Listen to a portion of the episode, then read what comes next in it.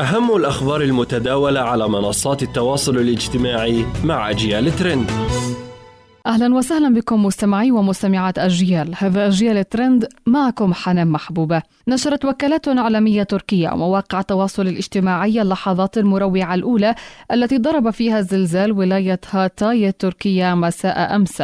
وأظهر الفيديو هلع سكان أثناء ضرب الزلزال الذي وثقته كاميرا في الشارع أظهرت اهتزاز سيارة كبيرة بشكل قوي وكذلك اهتزاز العديد من المباني في المكانة وأشارت وكالة الأناضول إلى أن هذه اللقطات الأولى للزلزال الذي ضرب تركيا وجاء بقوة ستة فارزة أربعة على مقياس ريختر.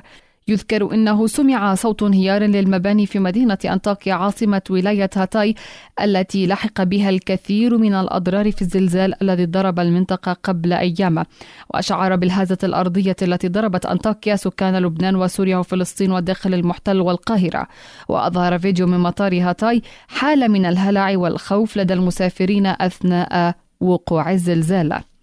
في شأن آخر أثار طرد مسؤولة إسرائيلية من قاعة اجتماعات القمة السادسة والثلاثين للاتحاد الإفريقي بأديس أبابا جدلا كبيرا على مواقع التواصل الاجتماعي. بينما أوضح رئيس مفوضية الكيان الإفريقي أن السبب يتعلق بعدم منح إسرائيل صفة المراقب. وتعارضت دبلوماسية إسرائيلية للطرد من قمة لقادة دول الاتحاد الأفريقي في إثيوبيا. لأنها ليست الشخص المعتمد لتمثيل إسرائيل على حد تعبيرهم. وفي الفيديو المتداول يظهر حارس أمن مقتربا من الوفد الإسرائيلي بينما يجري الحفل الافتتاحي للاجتماع السنوي ثم يحدث نقاش مع حارس الأمن قبل أن تغادر معه بارلي القاعة وتشغل شارون بارلي منصب نائب المدير العام للشؤون الأفريقية بوزارة الخارجية الإسرائيلية وتبذل إسرائيل على مدار السنوات الأخيرة جهودا حثيثة لتعزيز علاقاتها الدبلوماسية مع عدد من البلدان الأفريقية.